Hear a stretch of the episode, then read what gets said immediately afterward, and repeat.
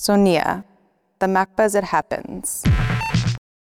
Michel Feher is a philosopher and cultural theorist, founder of Zone Books in New York and president of Cette France-là in Paris. He is the author of Powerless by Design The Age of the International Community and co editor of Non Governmental Politics with Gaëlle Krikorian and Yates McKee. Based on his analysis and critique of dominant neoliberalism, in his lectures, Michel Feher suggests a radical strategy for activists to counteract the hegemony of investors by embracing the tactics of the financial market. In other words, to use speculation against the values of the financial market on its own turf and with its own weapons in what he calls investee activism. Sonia talks to Michel Feher about the neoliberal project and its repercussions on education and culture. Feher also explores the importance of language, both in its liberal roots and in the changes that it has undergone in recent years as a result of the economization of politics. Lastly, he explains the role of new technologies in the social and political paradigm shift and how they have reformulated our conception of the public sphere. The structure of the neoliberal project. Founding fathers of neoliberalism, meaning people like Friedrich Hayek and the Chicago School, for a long time were really marginalized. They were really confined to the right wing margin of the political spectrum, but also the intellectual spectrum. So they knew from the beginning that they had to be patient. And so the slow construction and also the very complete construction of their program is a function of the fact that they knew that there was going to be a long time before they would be finally listened to. And that was true with politicians, and it was also true in academia. Some of them, of course, had academic jobs, and the Chicago School was one haven where they could be. But all in all, even in academia, they were sidelined. So that's where they developed this form of transmission or this form of publicity or this form of propaganda, whatever you want to call it, which was the development of think tanks. The neoliberals are not the inventors of think tanks, but they certainly perfected the art or perfected the technique of communicating through think tanks more than anybody else. And these think tanks were both localized, but also they were very good at building an international network. So it's as if the machinery was kind of ready to go and ready to send the proper messages even before they were actually listened to, which meant that when governments finally lend them an ear, the whole technology of communication and of translation of their general principle into specific policies could be done relatively easily and relatively quickly. And the type of policies that they were the most interested in were policies that had to do with education and that had to do with public housing. The real programs that the neoliberals wanted to attack was in the 60s, and it was um, the programs of the Kennedy and especially uh, the Johnson administration. The notion of the big society that the Johnson administration wanted to create, and especially the public policies that uh, had to do with education policies and that had to do with housing, that had to do with the rehabilitation of inner cities. Um, so it was the famous war against poverty. That was really the target of the neoliberals, where they really transformed their theories and their programmatic prescription into specific policies.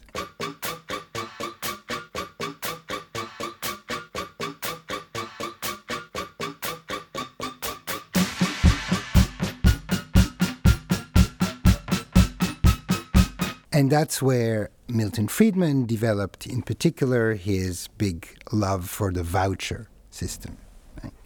That instead of pouring money into poor neighborhoods in order to rehabilitate both housing and public schools, wouldn't it be better to just give money to the people?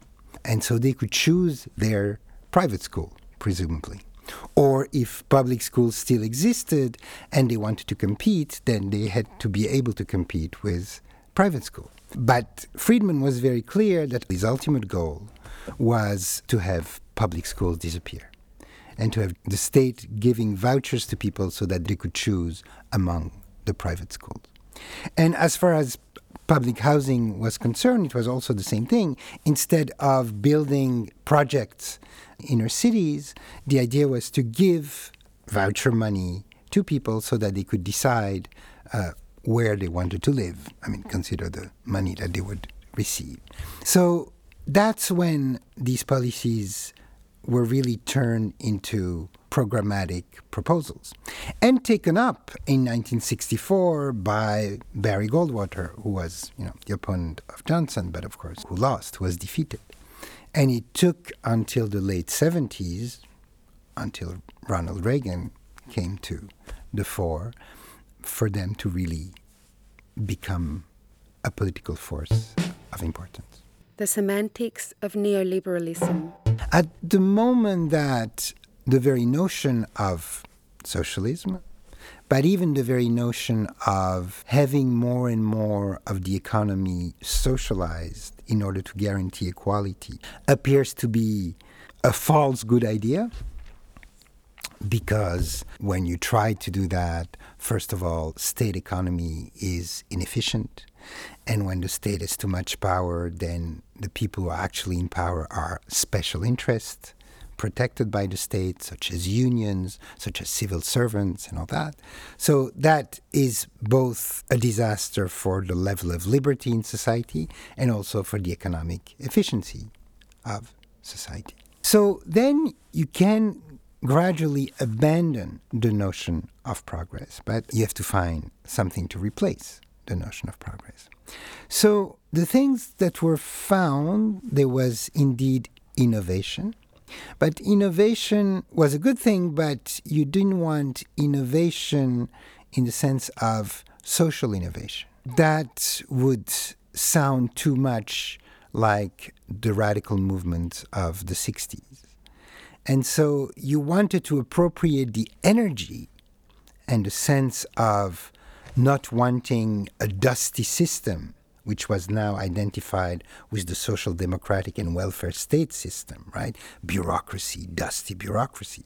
So you wanted that spirit of innovation, but at the same time, you didn't want this innovation to be anything else than innovation in creating your company in creating new enterprise, in, in using new technology in order to find new business models. So innovation was that, but innovation was an attribute of freedom, right? You give people freedom, meaning freedom to be entrepreneurs, freedom to invest, and then you will have innovation. That, so that's one thing. But politically, the term that was really appropriated by the right was the term of reform right?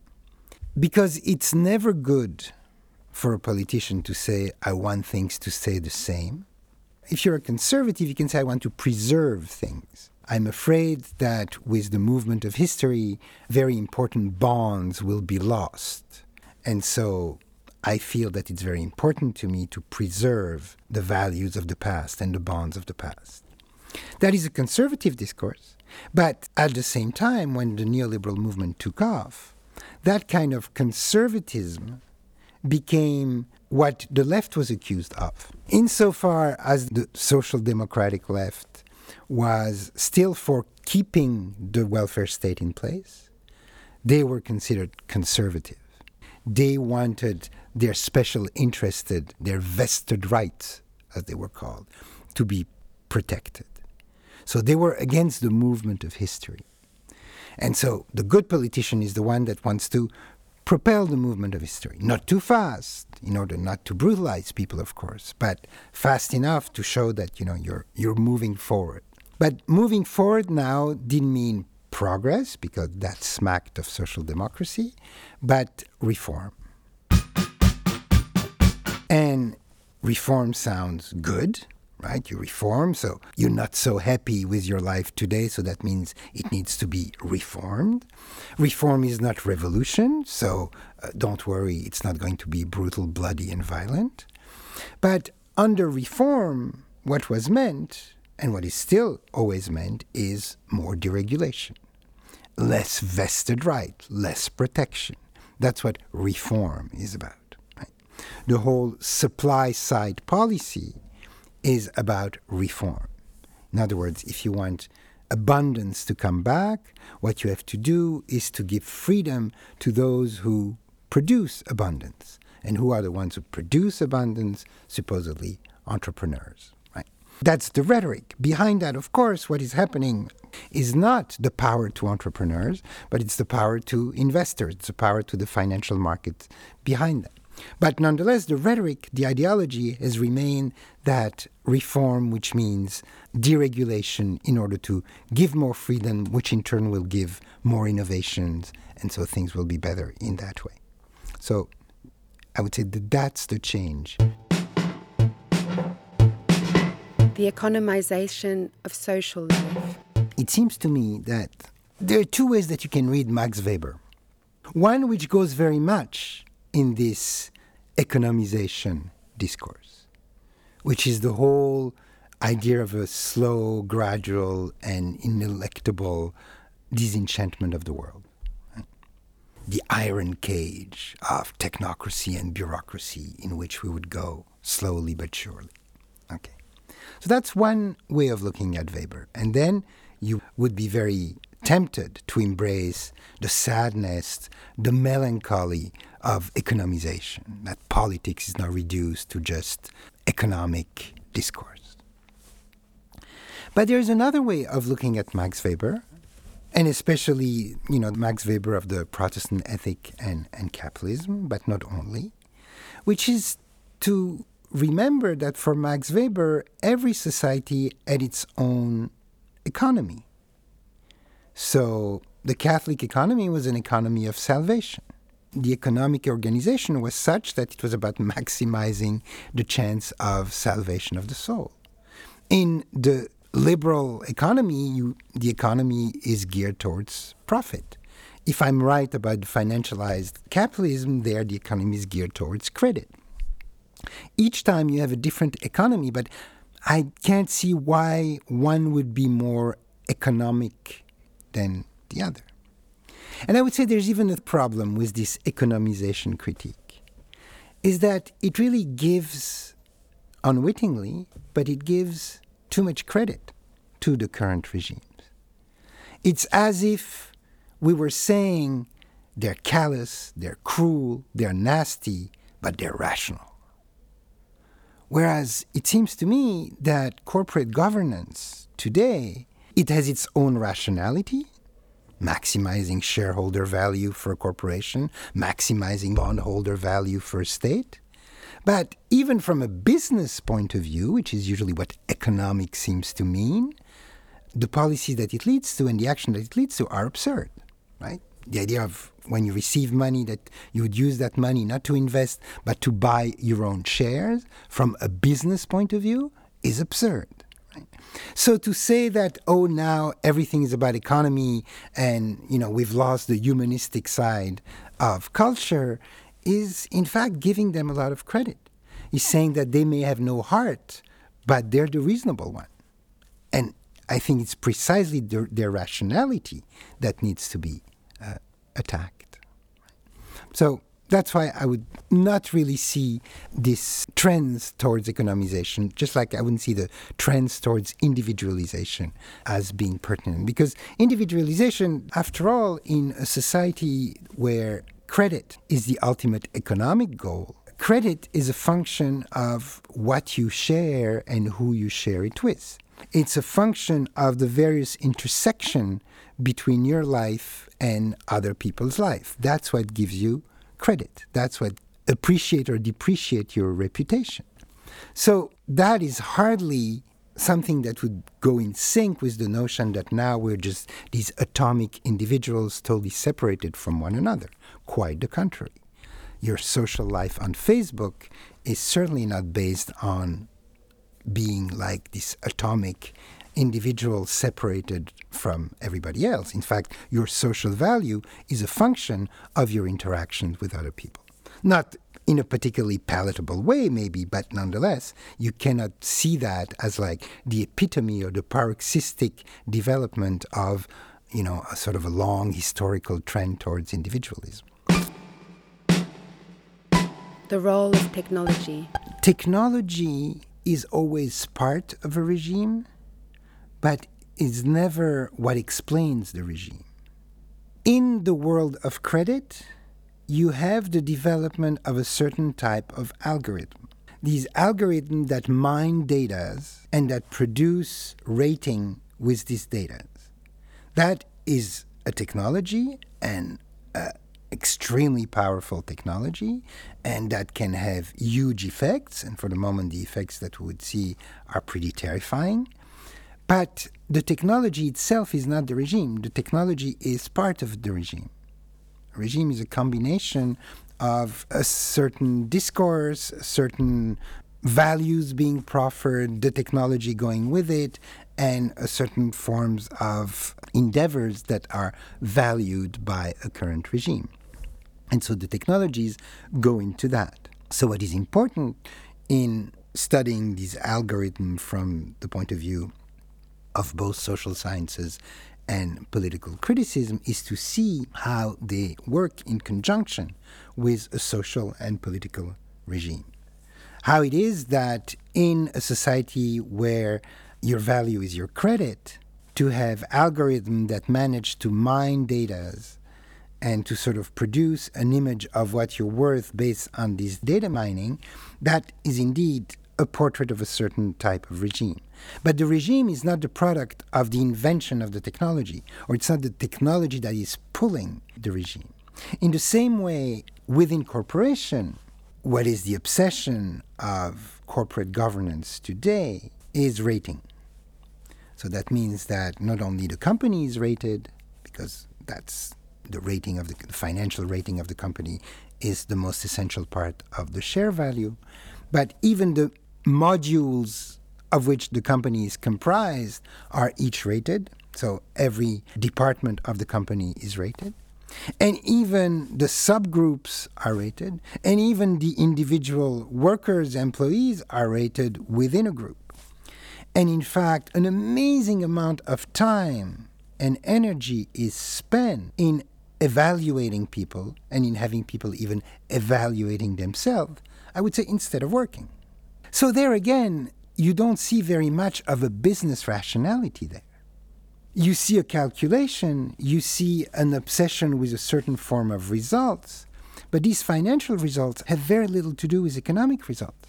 In fact, there are sociologists who have been studying these evaluations, and it's pretty amazing that nobody seems to like them. The managers who implement them don't believe in them.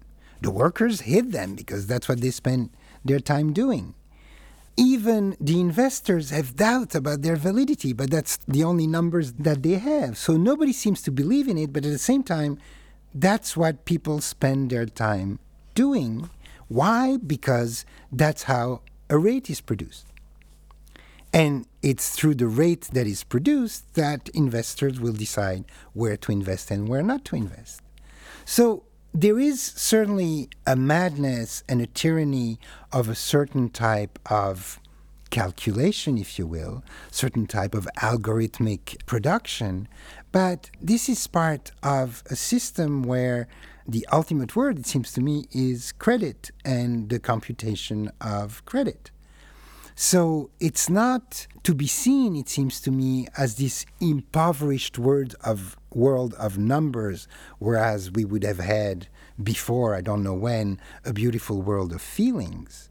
But it's specific numbers producing specific feelings of irritation and despair for the most part, but feelings nonetheless, and for a certain economic purpose. So each regime has to be analyzed in terms of its technology, in terms of the affect produced by the technology, in terms of the political goal in which these technologies are used, but to see this sort of long trans historical line from, you know, humanism, human feeling towards pure number or towards a nice, happy, brotherly community to the lone individual seems to me misses the point. I mean, it was Henri Bergson, the philosopher, said that there are certain perspectives, certain concepts that are like big fishnets where the weaving is so wide that when you pull the fishnet from the water, there's no fish in your fishnet because they're so wide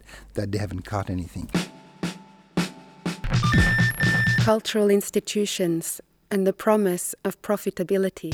This sort of credit based regime is really pervasive. It first affected for profit corporations, then, after that, it affected the states themselves and the organization of the state, the introduction of what is called new public management in the organization of the state is the replication of corporate governance that is based on shareholder value.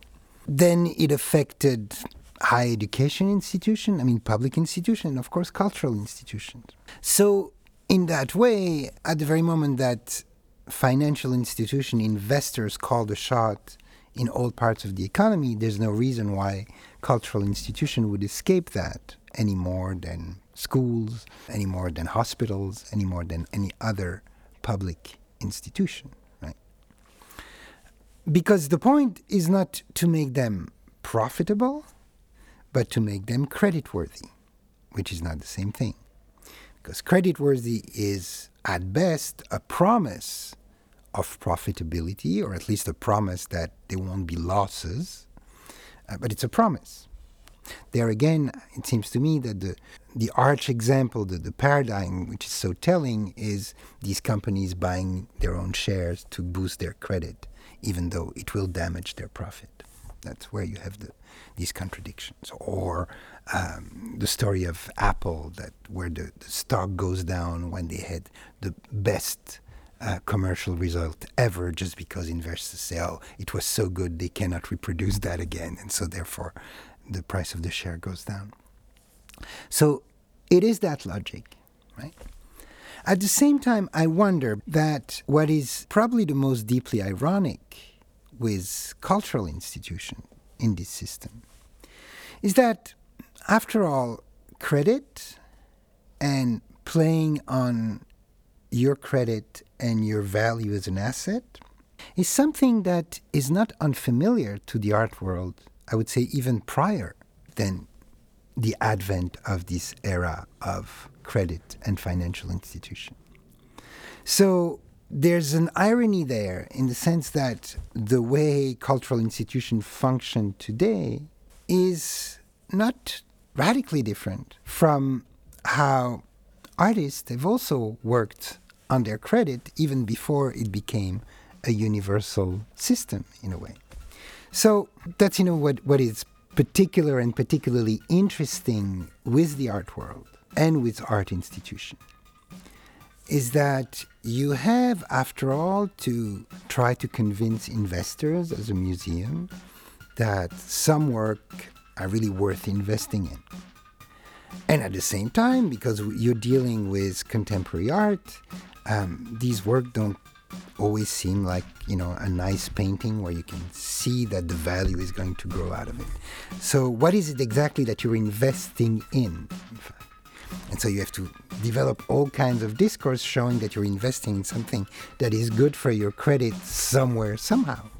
But in a way, as far as art institution, that predates the, the regime because, after all, it was already in the 60s and 70s with land art and with all these performance art that were not confined to a frameable object or to sort of a self-sustaining sculpture that already you had to convince investors that you know this was worthy investing in and you had to sort of invent concept of what was it exactly that they owned when they bought a work of art like that so on the one hand i understand that art institutions are disoriented about having to evaluate themselves and, you know, act like any other corporation in that way.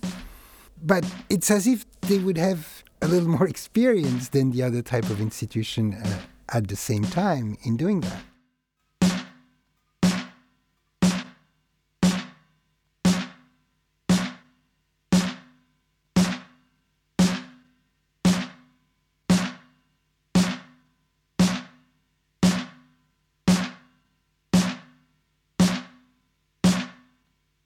There are some sociologists, in fact, who are insisting that the new model for the worker today is the artist, much more than the free individual who sells his or her labor power on the market.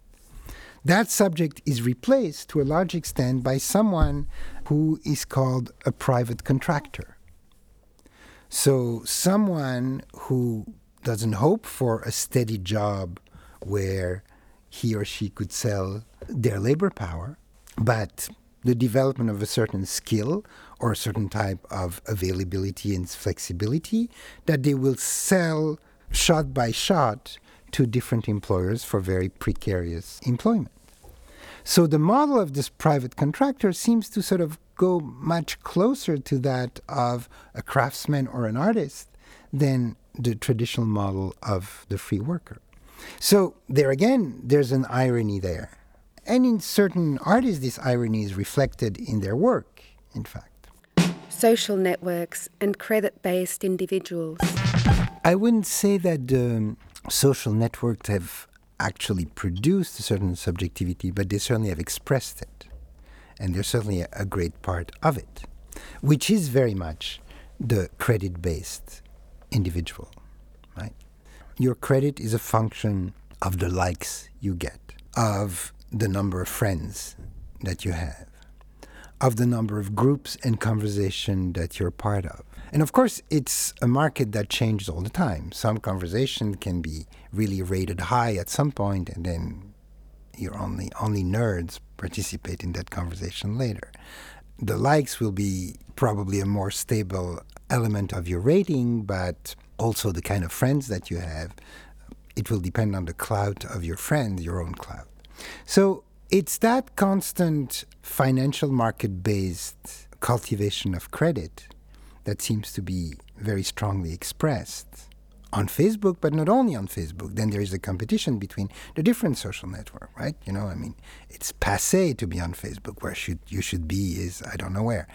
So it is definitely that invested self, this credit seeking invested self that has emerged, and who is someone very different than the person who was sold, so to speak, or that needed to be fashioned according to the neoliberals, which was the self reliant entrepreneur.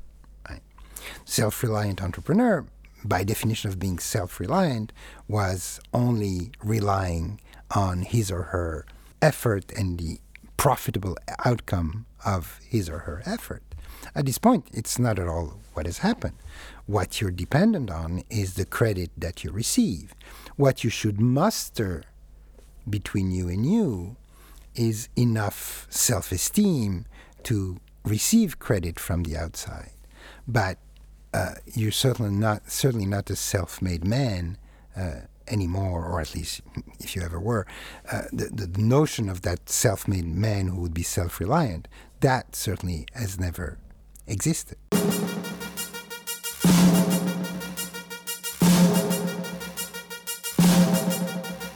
The remarkable rhetoric of the neoliberal world, like, you know, people are dependent, addicted when they receive money from the state, but they're supposedly independent and self reliant when they receive money from a private banker. So it's there's an irony there already. What public means. It used to be that the marker of being on the left or being on the right was that if you were on the right, you were for more private enterprise and less public involvement in the economy. And if you were on the left, you were for more socialization, which means for more public investment, for more public programs. Well, from the moment when governments themselves manage their budget according to the wishes of the bondholders, in the same way that corporate managers manage their budget according to the wishes or the presumptive wishes of shareholders, then there's not much difference whether something is funded by the state or whether something is funded by a private corporation. So it sort of shakes this easy separation between left and right according to liking the private sector better or liking the public sector better. But does that mean that the public disappears? I don't think so. I think it changes the notion of what public means.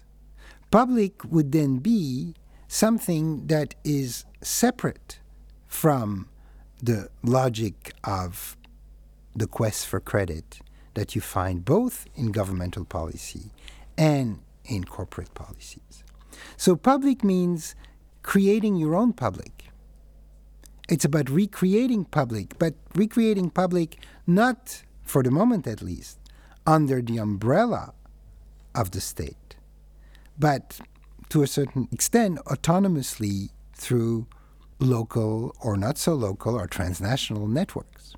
And indeed, the most interesting form of activism have been involved in that. Right?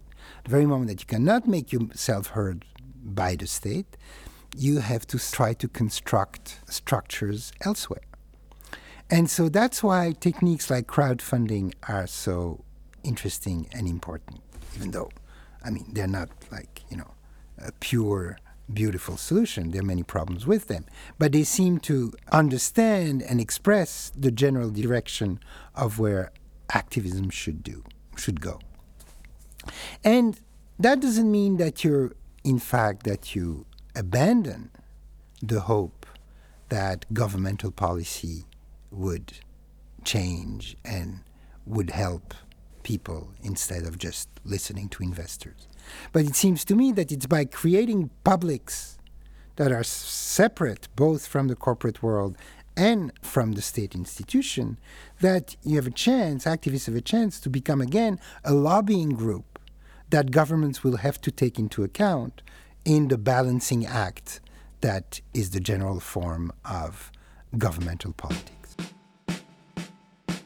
Information and normalization. I imagine it's the same for El País as for Le Monde and Libération, but they're losing readers every day. That's the amazing thing, again, about this credit based system. It is not a good business model, right?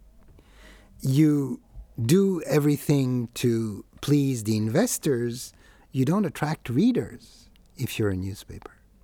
So, institutions that function according to credit are not doing well business wise from the basic point of economic rationality, right? That's the chance of these alternative public institutions. I mean, public sort of where you generate your own public.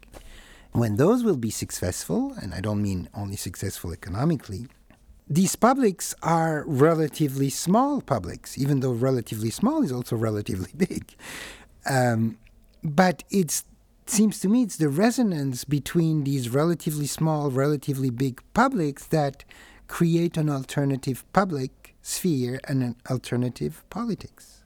Right? Rather than thinking that governments will come to the rescue because they won't, or even instead of thinking that the people will rise, the people, not publics, but the one people will rise and elect finally the right government. It seems to me, and that would be my main worry about Podemos right now in Spain, even though it's a very, it's probably the most exciting movement in Europe for the moment. But the worry is precisely that they seem to think that because they have a possibility of getting to power for the next election, or if not the next, the one after that, sovereignty is what they should go for. Sovereign power is what they should look for. This is a movement that started by sort of federating different social movements, but now it seems to forego the idea of weaving specific social movements to immediately go to the people. Not publics, but the people. And there's a danger in that. There's a danger in that, of course, if you win, there's a danger in that, because when you have the leader and the people, it usually doesn't turn out so well. But already has some problematic effects in the way you campaign. Because when you think that all you want is to please the people and not to federate different publics, then there are things that you might think that the people doesn't really want to hear that you don't talk about. You don't talk about immigration very much because it might not be so popular and so forth. And so that's how you become, in a way, normalized like like the other party. It's a danger. I'm not saying they're there, and it's not a doom uh, discourse, but that seems to me a danger that needs to be addressed and especially at this moment, at this point, at this juncture, where it seems to me that the construction of specific and intertwined causes and publics is, and that sort of horizontal weaving is really what is at stake because ultimately governments are involved in balancing acts. Governments are always, you know, trying to make the best for them of the different interest forces and different forces that are acting on them, right? And so instead of counting on government to sort of face the financial market, face the big corporation, I think government need help from this sort of network of publics so that the government can say to the financial market, I cannot obey you because if I obey you, I have problem with these people. And so we have to find some kind of a compromise. I think that's what is at stake now is to reconstitute the condition under which social democracy could work again, right? In other words, governments operating balancing act between the public's speaking in the name of the constituency and the financial market.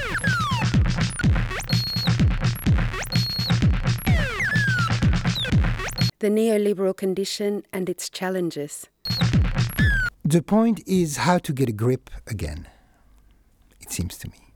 The notion that it should be different and that what we need to do is to concentrate on how it should be instead of finding the footholds where things can move and where you can sort of trip the regime seems to me a little bit uh, like a aestheticizing waste of time.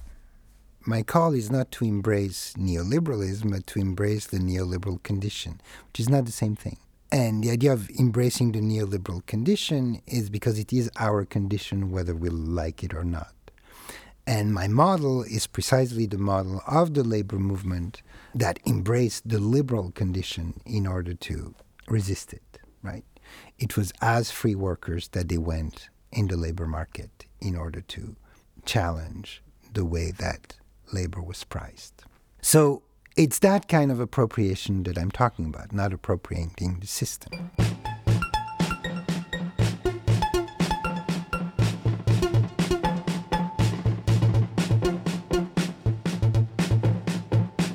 macba.cat.